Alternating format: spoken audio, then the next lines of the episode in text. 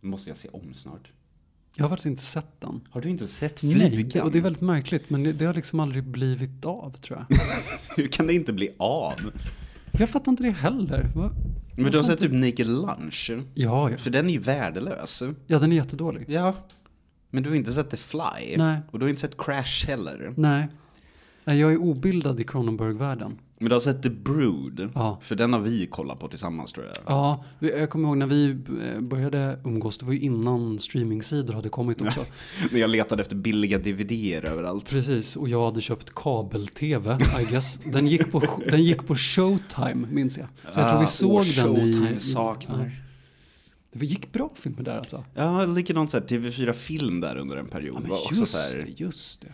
Sen så började de med reklam och så här uteslutet köra Göta kanal-uppföljarna. Mm. Filmkanaler ändå, det var Det kanske inte är lika kreddigt, men jag har aldrig sett en Göta kanal-film heller. inte jag heller. Och då så här, jag har typ sett en halv hälsor, nej, hälsoresan har jag sett, men en halv sällskapsresan-film. De har jag sett i så många sammanhang för att de, de tror jag att det är lite mer socialt accepterat att gilla.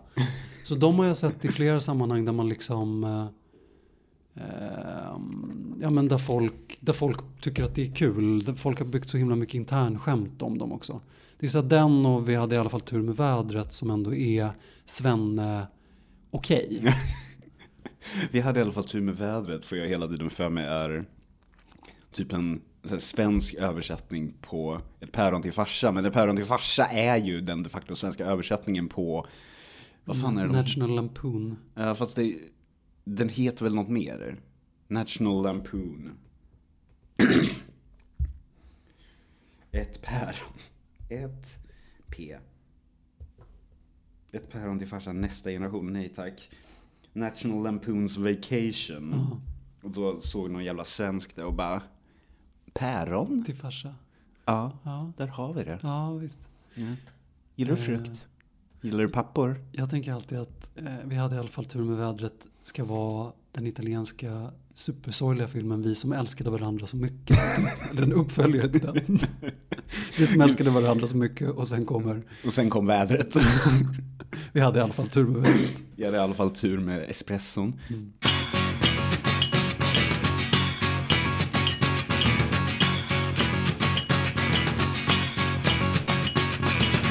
Hej och välkomna till Killgruppen. Tjabba tjena. Med mig har jag Rasmus. Hej. Och jag heter Johan. Hej Johan. Eh, vad har du gjort sen sist? Två veckor sedan ungefär.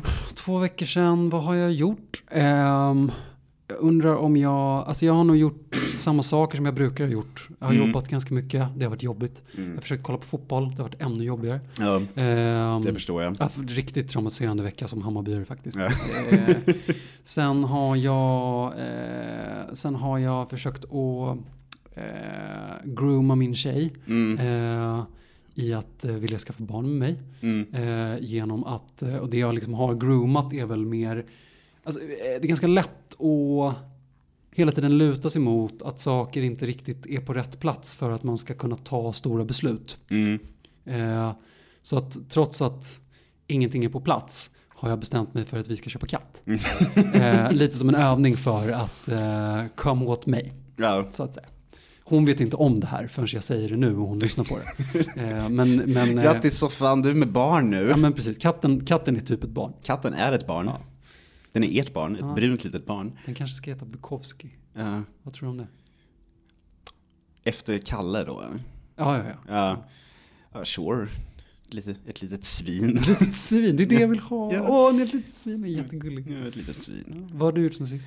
Eh, Jag har ju haft, eh, som du minns, typ en riktigt jävla röten eh, vecka sedan Mm. början av förra veckan. Med ett plötsligt dödsfall. Och det har ju varit lite sådär. Mm. Så jag tog min tillflykt till mina hundar under helgen för att ja, Var det därför du åkte? För att du kände att du behövde lite stabilitet? Eller? Ja men jag och så ja, men ligga i en sån här jävla hundhög. Man behöv, jag behöver det. Mm. Jag har väl någon så här, det är väl antingen är man psykopat eller så är man eh, har man så här extremt barndomstrauma när man hela tiden så känner att vill vända sig mot djur istället Mm. för människor. Men, det är, men det är ju också helt kravlöst den kärleken man Ja. får. Eller det är inte kravlöst men det utbytet man har är ju ganska lätt manövrerat tänker jag. Jag tar ju också tillflykt till, till djur. Ja. Det är därför du har snott en alpacka en gång när du var ledsen. Eh, borde ha gjort det. Ja. Det finns en konstig bild på mig när jag står utanför Rish och pussar på en häst. Ja. Och jag minns inte att det här hände, men jag tror att det var ett sånt tillfälle. Så här ledsen på fyllan, ser en polishäst och bara kastar dig om halsen på den. Ja, precis. Ja. Kör hem mig. Ja, Snälla här. De, minns du inte, de brukade väl på eh, typ fredagar förr, på, så brukade alltid polisen stå med hästar på Medis. Mm. De brukade på väg mot typ bonden eller någonting så brukar man alltid gå förbi och bara hej, ge dem en klapp och sen fortsätta gå. Sjukt mysigt. Ja men verkligen, polisen borde verkligen använda hästar mer på det sättet. Bara som så här, Som terapidjur. ja men så här, använd terapidjur, bara så här, ställ er på ställen med ett djur och bara låt det bli klappat av random människor. Ja, det, jag håller med dig faktiskt. Det är väl en lite bättre plan än som Sverigedemokraterna vill att man ska kunna online-certifiera sig som snut. Mm. Precis, bara man har en häst. Ja men precis, har, har du bank-id och eller häst så kan du bli polis. Och få betala för sin egen skjorta. Men eh, funkade det då med, med djurterapi? Eh, ja, alltså, ja, men det, det är ju lite svårt att bara så komma över något sånt där för att det är så plötsligt också konstigt. Jag hittade, kollade upp, eh, alltså systemet för dödsannonser som finns här i landet är ju så otroligt konstigt. För det är ju bara pdf-er som eh, lokaltidningar lägger upp. Ja, okej. Jag hittade den idag vid någon form av så här dödsannonsindex.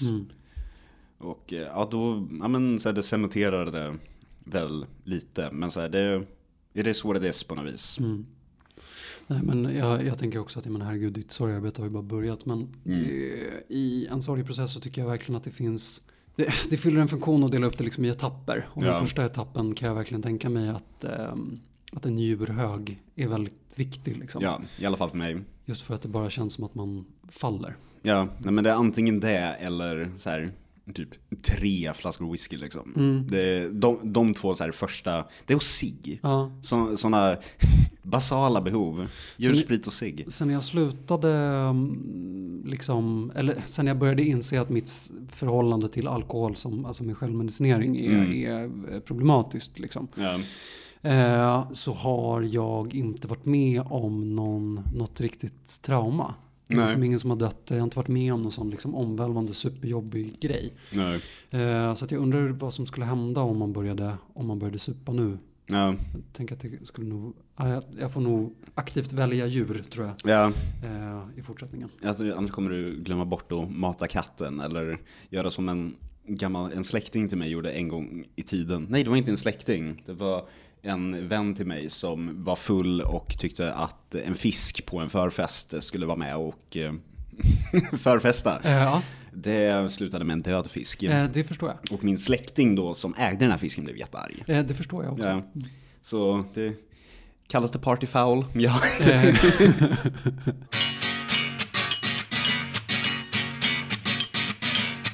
Jag har väl egentligen inte, alltså i och med att det liksom inte riktigt har hänt någonting. Det, det har ju hänt väldigt mycket i världen och jag har liksom känt väldigt mycket att man eh, att man är i en massa saker som man egentligen skulle vilja prata om. Men jag har liksom inte riktigt släppt det som hände för några veckor sedan. Alltså, och jag tror att det beror väldigt mycket om var jag jobbar någonstans.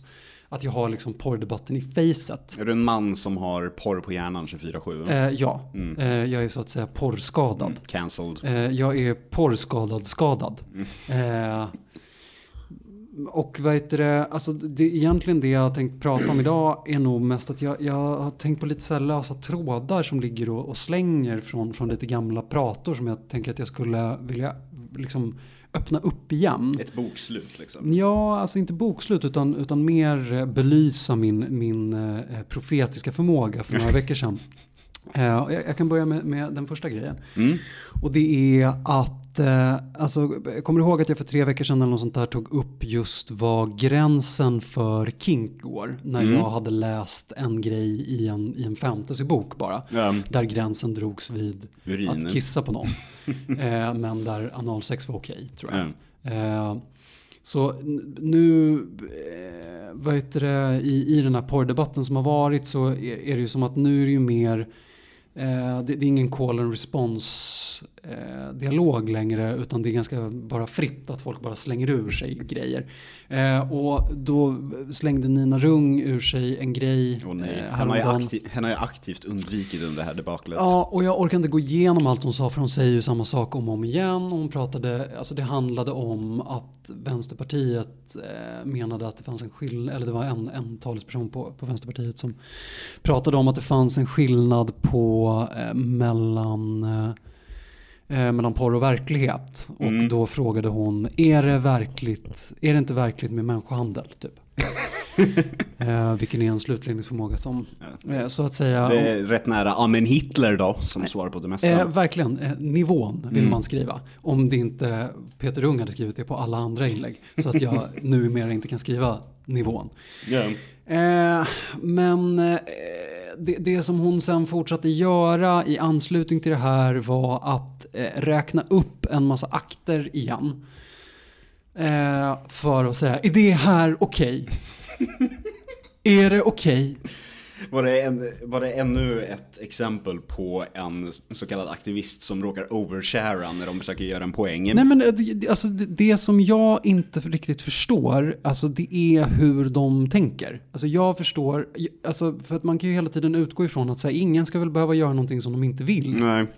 Alltså, oavs- alltså vad som helst som du inte vill är fel. Ja, nej, men det är väl samma kontenta egentligen som hela den här, som titt som tätt kommer upp, så här, transkvinnor försöker tvinga lesbiska att ligga med dem. Men så här, poängen med den diskussionen är väl egentligen så här att ingen ska bli tvingad till att ligga med Ja, någon. precis. Inte att transkvinnor är farliga. Nej. Och det är lite det jag menar med det här för att eh, alltså de, de, några av de akterna som hon tar upp är ju saker som hon har tagit upp en massa gånger förut. Mm. Analsex till exempel, Mm. som nu mm, liksom är helt oproblematiserat hos den falangen av, av debatten Mm. är numera eh, Satan själv.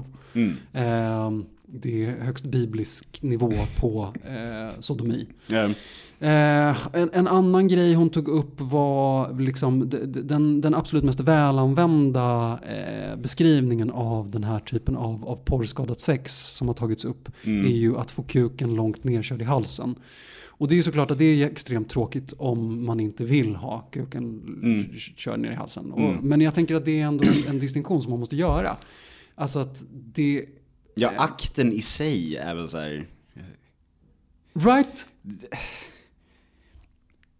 Är det skadligt? som ett fan, Ja. så tycker jag inte att det är jätteskadligt. Nej men precis. Eh, och då är ju eventuellt idén då att det är skadligt att killarna vill att man ska köra ner kuken långt ner i halsen. Liksom. Mm. Men jag menar det är väl klart att det är skönt.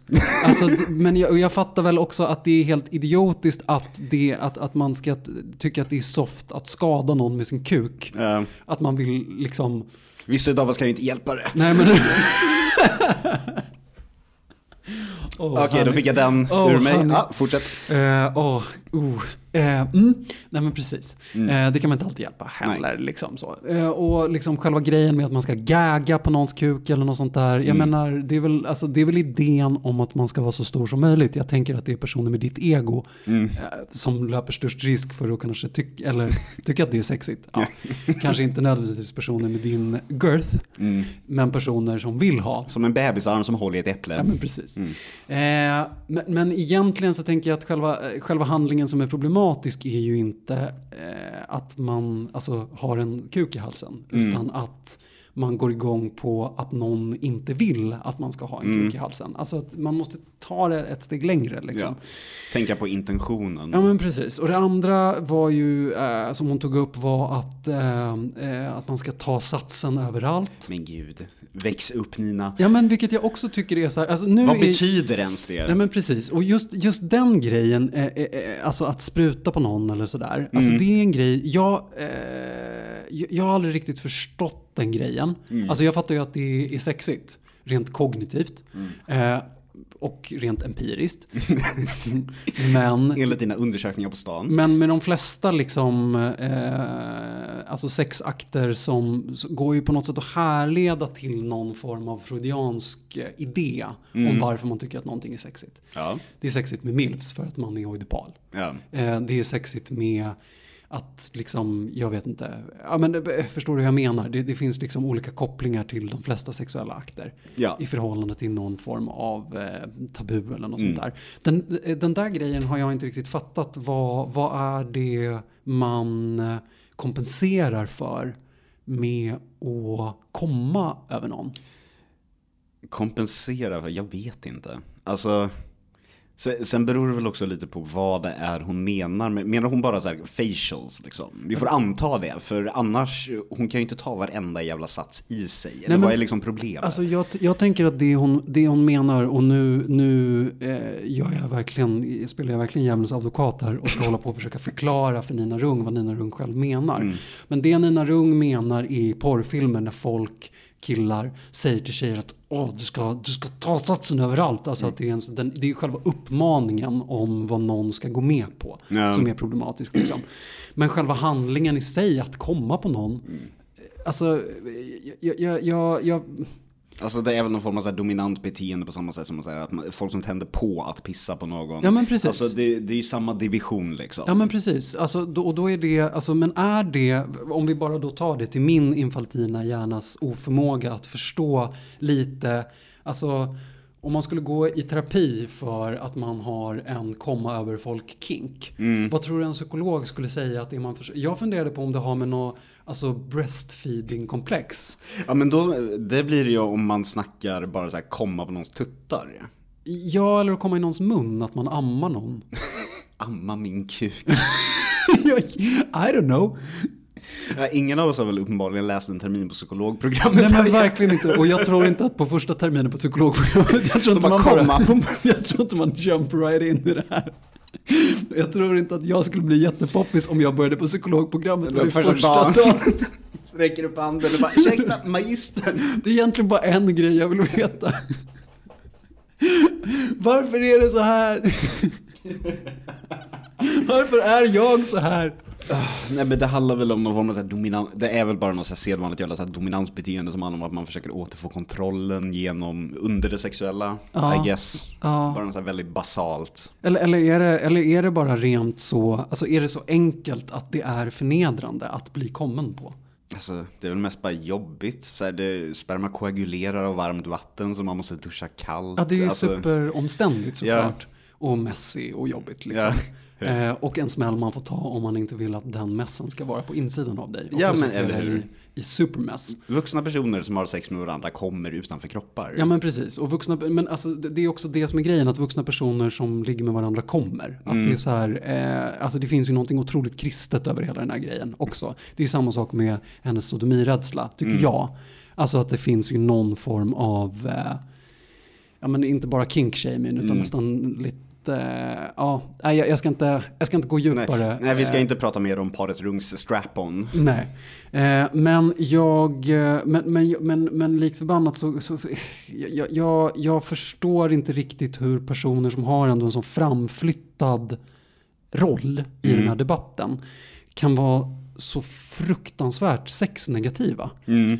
För att alltså, om man, om man bara går igenom då alla de sakerna som de tar, jag, jag förstår inte vad som är kvar ens. Det är ju bara, Göra barn. Nej, men- Missionären. ja eller älska med varandra. Ugh. Äckligt. Ja men det är jätteäckligt och djupt obehagligt.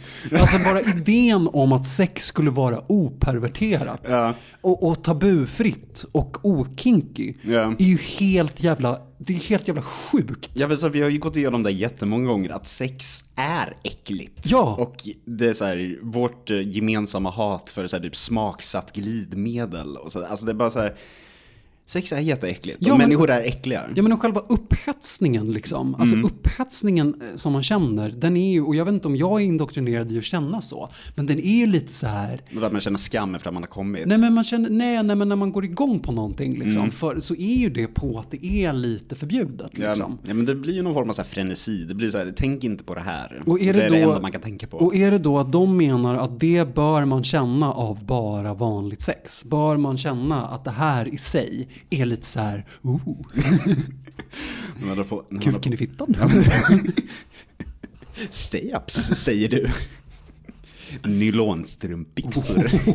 Nej, det är fan nylonstrumpbyxor. Det är ju sånt perverterade män gillar har jag hört. Ja, absolut. Det beror Men- helt på vem som har eh, nylonstrumpbyxor. Mm. Nej men det, det, Eh, det har ju också varit väldigt mycket under den här debatten att folk säger att det är oärligt debatterande och säga att, eh, de de, att folk som är porrkritiska eh, och porrmotståndare delar någon form av retorik och endgame som kyrkliga. Men det är också så här, if the shoe fits. Ja, nej men verkligen. Och jag menar, Harung har ju verkligen alltså, bekänt färg där med hans uttalande om eh, när han hade delat kristen högerpropaganda och sa att eh, Ja. eh, ja, alltså homofobin tycker jag är dålig, men porrbudskapet står jag bakom. Mm. Vägen till helvetet är kantad av goda intentioner. Yes. Mm. Mm. Och Peter Rung. Vidrigt. Ehm, ja, nej, men det var, det var första delen. Jag tänker att vi kan, eh, kan avsluta där. Kan jag ta min sista grej på slutet? Ja, är, det, är det att du ska då komma ut som kondomhatare? Nej, nej, nej, nej, nej, det är mer Peter Rung. Men jag tänker, att, jag tänker att dramaturgin blir att jag bara måste smyga in en till singer till honom. Det blir bra.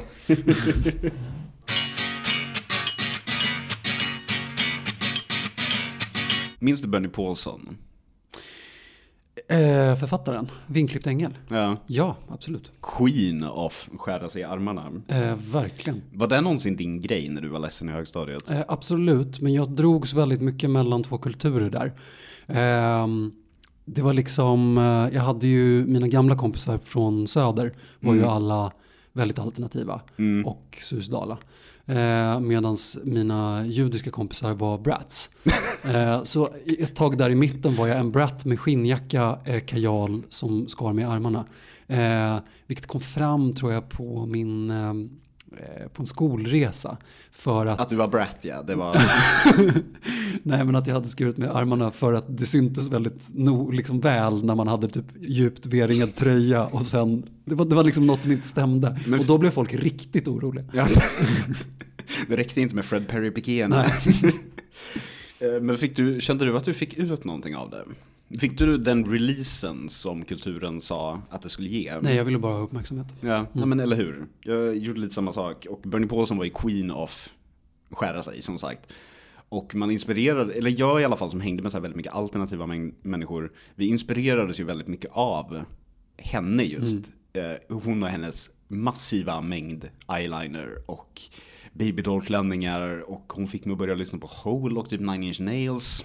Jaha, okej. Mm. Så det finns ändå en del eh, jag har att tacka henne för Mm. rent så här eh, kulturkanonmässigt. Men mest så minns jag bara det här hur, mång, hur alla alternativa omkring mig försökte emulera henne. Mm.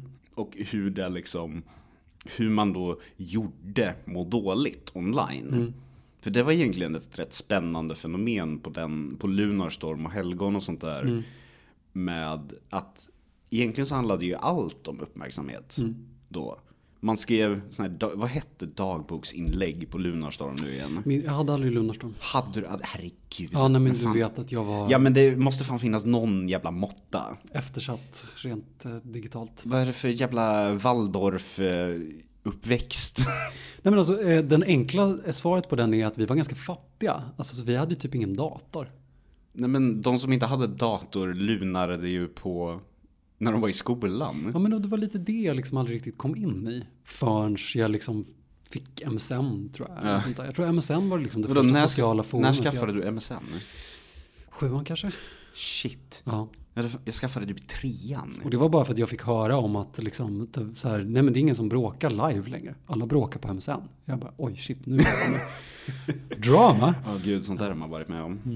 Ja, Ja. nej men det handlade verkligen bara om, om uppmärksamhet. Ja, Ja, men också hur man, för man var, dramat gällande att vara tonåring då. Det blir ju egentligen, jag vet inte, hur kan man må, kan man må dåligt på riktigt när det är så mycket som är performance som handlar om den uppmärksamheten? alltså jag undrar verkligen det. Men jag tror också att vi i våran tidiga, alltså vi var så tidiga att det var liksom ingen riktigt som, um, För vi kunde ju kongregera kring må dåligt som identitet. Vi var ju typ de första som kunde det, vi och så tidiga 80-talister Ja. liksom.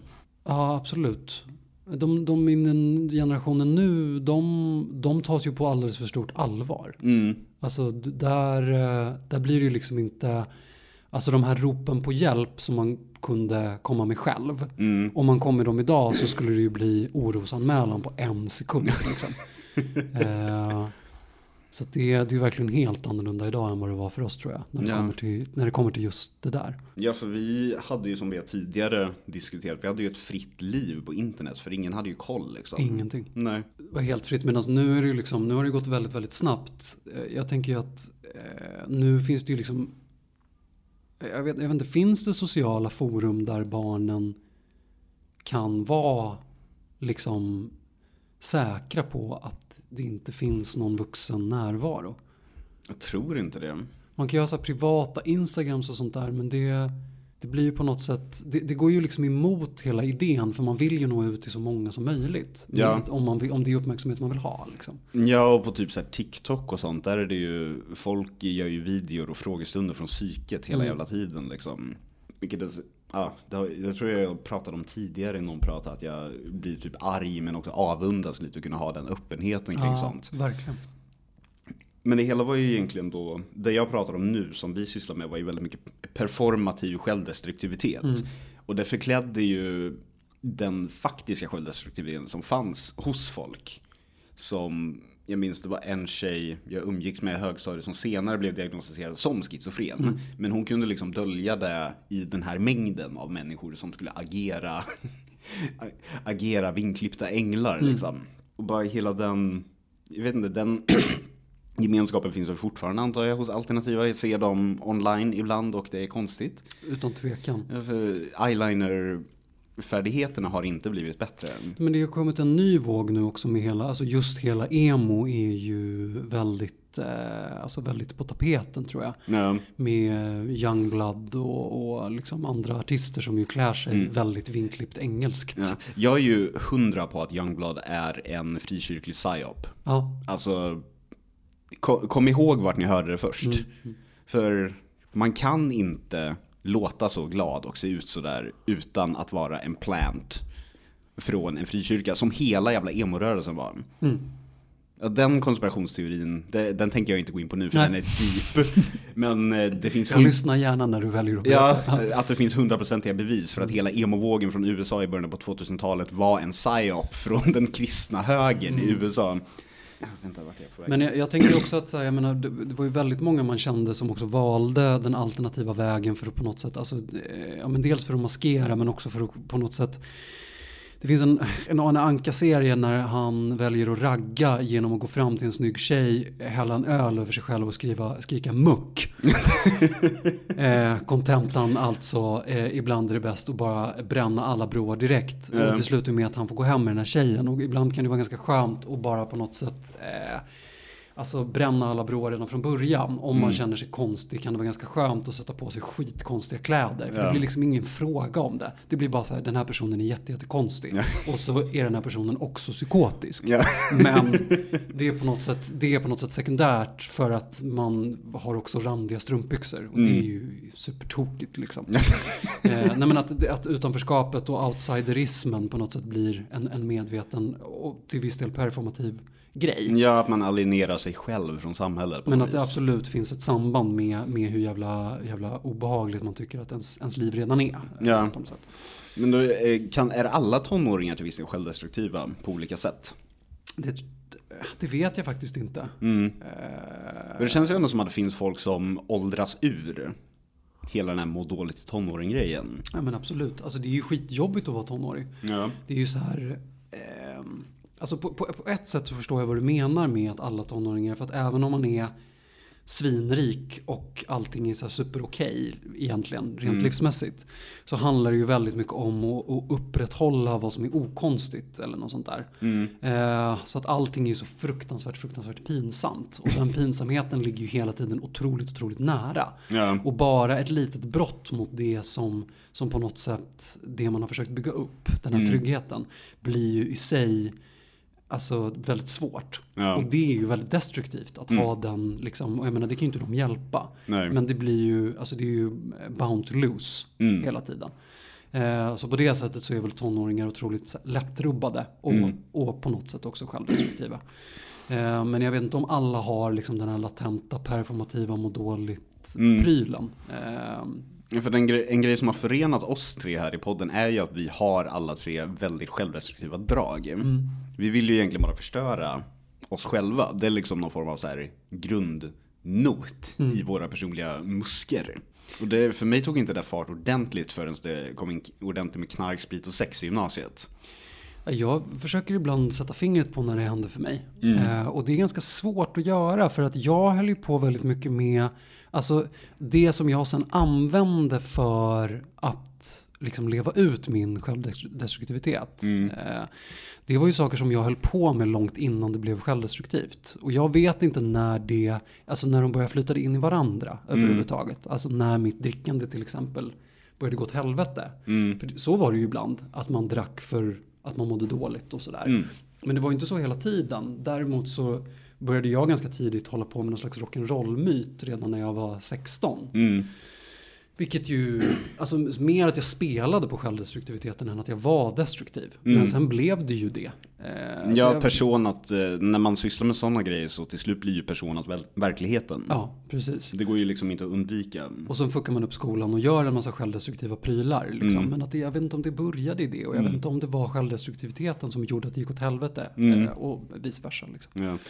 Jag minns eh, fortfarande en av de gångerna där det här kunde ha tagit stopp för mig i gymnasiet men det inte gjorde det på grund av samhällets inkompetens. Mm. Det var, jag hade ju, I tredje ring hade jag en rätt, eh, var jag nere på 54 kilo jag hade rätt småjobbig ätstörning då. Och då skulle jag läsa en till termin till hösten då, för där på vårterminen på tredje ringen skulle jag läsa en till termin för att fixa mina betyg. Mm. Eh, och då sa rektorn att ja, det får du göra så länge du eh, går och pissar. Ja, Och då sa jag okej fine, för då trodde de att jag knarkade. Men det jag gjorde var att jag åt inte. nej. Och eh, det har jag aldrig riktigt glömt. Jag tror inte jag kommer glömma det heller. Nej, vad, ja. Nej, alltså jag förstår ju verkligen vad du menar. Jag har, jag väl pratat Det var också då jag det- började hata kvinnor för att de fick så himla mycket mer uppmärksamhet. Eh, Okej. Det var right. då jag blev bög. För att de var så snygga och smala eller? Nej, för att de sa typ jag är ledsen och sen fick de skolkurator i tre år. Aha, okej. Mm, Medan jag var en dum pundare. Right. Ja, okej, okej. Det var innan vi började försöka rikta oss åt killarna liksom, med de typen av resurser. Ja. Då var resurserna skulle ligga på att, att samhället får unga tjejer att må dåligt. Mm, Okej. Ja, jag fattar. ja. Eh, alltså jag har ju varit med om, eh, jag var ju med om mer eller mindre exakt samma sak, även om det inte hade någonting med att gå om eller något sånt där. Mm, Men jag slutade ju gå i skolan efter det. ja. Och det var ju, jag hade ju en lärare också som försökte få mig att gå och pissa. Ja. Ehm, för att jag hade ett par, jag, jag tror jag pratade om det här i podden förut, jag hade ett par roliga byxor på mig som jag beskrev som påtända. Hon trodde att hon hade hört att jag hade sagt att jag var påtänd. Eh, och jag fick jättemycket stöd av min mamma av det här. Mm. Vilket har berikat vår relation. Jag tror att det var då vår relation började typ. Men ni upptäckte att ni båda älskar byxor som är lite lattjo. Nej, men när, vi började, när, när jag insåg att så här, nej, men det finns faktiskt gränser för vuxnas inkompetens när det kommer till att försöka hantera vad de tror att destruktiviteten är. Mm. För att en liksom, alltså då hade jag precis, jag hade varit på en skidresa där jag hade gjort bort mig inför hela svenska folket typ. Mm. Eh, jag var utstött, jag hade gjort bort mig på riktigt liksom, Mm. och gjort grejer som jag fortfarande har skuld för idag. Mm. Ehm, och jag kom hem och allting, allting sög. Mm. Jag hade precis börjat jobba som modell så jag åt inte såklart. Nej. Jag la all För, min citera, energi... för att citera din eh, flickvän, inner beauty is a joke. Mm. Kill your hunger with a... Smoke. Ja. Åh, hon är så vis. Ja. Eh, vad heter det? um, Jag ehm, eh, knarkade väl inte så mycket men drack ganska mycket. Mm. Eh, och sen så hände, ja, men en, en idiot hade kunnat se att jag behövde hjälp. Mm. Men en idiot borde också ha kunnat förstå att jag inte behöver hjälp på det sättet. Mm. Jag behöver inte bli misstrodd. Mm. Ja, Man behöver inte ta liksom en här omväg för att sätta dit mig för att jag har råkat säga att mina byxor är påtända. Liksom. Mm. Och min mamma stödde mig väldigt mycket i det. Och Mm. efter det så började vi ha en mycket mer fungerande dialog. Mm. Och det funkade länge ganska bra tycker jag. Ja. Eh, men det gjorde ju att jag slutade vara i skolan också. Mm. Så jag, ja, man gillar inte att känna, känna att någon form av auktoritet eh, tror att man är någon man inte är på något vis. Och eh, på så, ett så våldsamt sätt cementera den tanken. Mm. Nej men precis för att det är ju liksom hela idén med att man redan är missförstådd. Det är ju så cementerad redan. Mm. Det blir ju bara till argument för att du fattar ju fan ingenting. Tror, tror du jag är påten? Är du dum i huvudet? Ja. Nej men och det kanske jag är men det kanske inte är det som är problemet. Ja. Liksom. Alltså att det blir... äh, jag, mm. jag, Det- kan, jag kan få lite panik av det. Nu vet jag inte. Jag bryter, jag, jag bryter väl kanske arbetssekretess fast åt, åt ett annat håll nu. Åt mina kollegor. Mm. Men jag kan bli väldigt orolig när man pratar. Alltså för att med något riskbruk. Så här, när jag, när jag hamnade i fyllecell, vilket Mm. jag gjort en gång, så fick jag fylla i en, en lapp. Som eh, liksom eh, som visade att jag hade liksom grava alkoholproblem och skulle dö om imorgon om jag fortsatte med det här. Typ. Mm. Otroligt alarmistiskt. Men grejen är att även om jag hade ljugit till halvvägs på den och då hade jag haft ett ganska normalt bruk tror jag. Mm. Som väldigt många andra har. Så hade det visat samma resultat. Jag kommer dö imorgon om jag inte slutar dricka. Liksom. Ja. För att sättet man ser på alkohol är extremt alarmistiskt. Mm. Eh, och eh, så det gäller för ganska mycket grejer. Så när man börjar prata om, om ungdomar och alkohol kan jag ofta bli väldigt, bli väldigt orolig för att man eh, gör eh, en höna av en fjäder. Mm. Väldigt ofta. Ehm, och jag tror att vi behöver också hitta verkligen ett sätt att kommunicera med ungdomar om alkohol på ett annat sätt än en mängd. Alltså för att det finns så många andra sätt med hur man håller på med det här som är så otroligt mycket viktigare. Liksom. Ehm, och hur man pratar med folk om det är också så otroligt viktigt. Liksom. Och, Mm. och där ska man verkligen kunna använda både dig och mig som, som argument. Mm. Både du och jag knarkade för mycket. Mm. Men om man pratar med personer på det sättet som vi blev pratade om knark med Mm. så blir det jävligt struligt. Liksom. Ja. Eh, ja, det visar ju bara på att man inte förstår vad det är som pågår. nej, det är inkompetens. Ja. Ehm, och det kommer bara bemötas av eh, att man stänger dörren. Mm. Ja, för det tog mig ju fan nästan 15 år. Ja, men så här, för några år sedan var det egentligen jag blev varse om via min dåvarande terapeut att eh, jag, väldigt mycket av mig som person handlar om att jag har en grundton av sorg. Att det är liksom, det är min, en av mina grundkänslor på något vis. Att jag hela tiden, i större delen av mitt liv, utan egentlig anledning, alltid bara så här känt en form av sorg. Att väldigt mycket jag har gjort har handlat om att här, inte behöva tänka på det. Eller göda det, så här, beroende på dagsform på något vis. Och det är väl egentligen sånt som någon borde ha försökt upptäcka för länge, länge sedan. Inte nu när jag är så vuxen och känner att jag har havererat mitt liv. Liksom. Det borde någon ha kommit på när jag var typ 18. Att kanske undersöka. Ja, nej, det, jag vet inte, det odlar någon form av bitterhet bara. Att folk inte kan... Att, få, att eh, personer, framförallt så lärare och lärarassistenter och elevassistenter och jada jada jada, att de inte riktigt eh, förstår ungdomar överhuvudtaget tror jag. Nej, jag håller verkligen, verkligen med dig. Det där är så jävla svårt också för att jag menar, jag, jag har hamnat i ett läge nu när jag har lite bestämt mig för att vända blad eh, kring sådana där saker. Mm. Alltså just om själva... Alltså jag har varit jävligt frustrerad och bitter över hur min, mina tonår såg ut. Mm. Eh, på väldigt många andra liksom. Och sen så har jag bestämt mig lite för att jag ska så här, vända blad och försöka se framåt för att det håller mig väldigt mycket tillbaka. Mm. Alltså, Ja, bitterhet gör att man bara går i cirklar i... ja, sitt och, eget och liv. liksom det, det ger mig en känsla av att hela tiden ligga på minus så att jag inte kan komma upp liksom. Ja.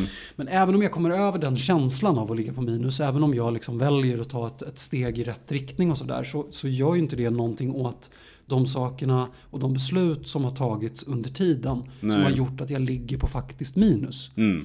Alltså som gör att det blir svårt för mig att få en lägenhet till exempel. Mm. Som gör att jag inte kunde börja plugga på universitetet förrän långt, långt senare. Mm. Och jag menar, jag ska inte bara lägga det här på andra. Alltså Mm. verkligen inte. Det, det är liksom väldigt många av de besluten som jag har tagit har jag tagit som en condescending eller Consenting adult. consenting adult. condescending adult är bra. Det det- också. Ja men det är ju vi nu. Ja, det också. Men, men vad heter det? Eh, nej men, och, och, så att jag, jag ska ju verkligen inte bara lägga skulden på andra. Men jag kommer ju inte heller från att, alltså det har ju fått faktiska jättestora konsekvenser för mitt liv. Ja.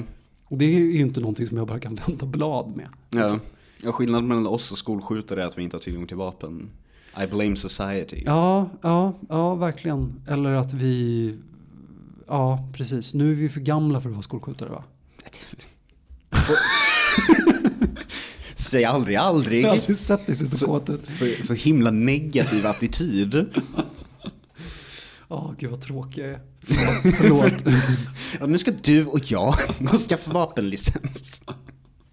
Nej, vi ska inte skaffa vapenlicens. nej, nej. Eller jag var ju lite sugen i som, förra sommaren var det. När jag var med på en möhippa och sköt revolver. Det, var, det, det, det var kul. Ja, nej, men det är ju spännande. Ja. Jag, jag Den, var väldigt den sa pang, jag jag, var- sa oh! Jag var väldigt inne på att ta jaktcert när jag var yngre faktiskt. Men Jag, det- jag har tänkt att pitcha det. ja. Att vi ska göra det tillsammans. Men då måste vi skaffa körkort först. Ah, grejen är att jag inte gillar att jaga. Alltså jag tycker själva eh, handlingen är mysig. Alltså det är mysigt att vara i skogen och Ja, mysigt med mord. Sånt äta, där. äta fläsk. Men Nej. det är just själva morddelen som jag har lite svårt för. Nej, men du kan sitta med så tar jag hand om det. Mm. Vi kan ju, det kom jag på nu när jag var hos mina föräldrar. Att man kan tänka sig bara sätta ut en tältstol på deras tomt. Så har man både älg och rådjur som faktiskt här går från bra avstånd. Det är verkligen det bästa av två världar liksom. Mm. Både friluftslivet och Runar. Ja.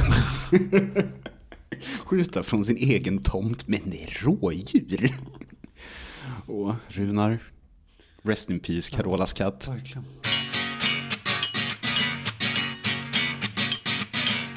Men det var allt för idag då. Eh, vi eh, ses nästa vecka kanske? Ja, vi får se när vi ses. Ja, ses när vi vi ses. ses när vi ses. Ja, följ oss på Instagram, at killgruppenpodd och ge oss en rating. Lova att göra det. Lova. Mm. Schyssta. Puss.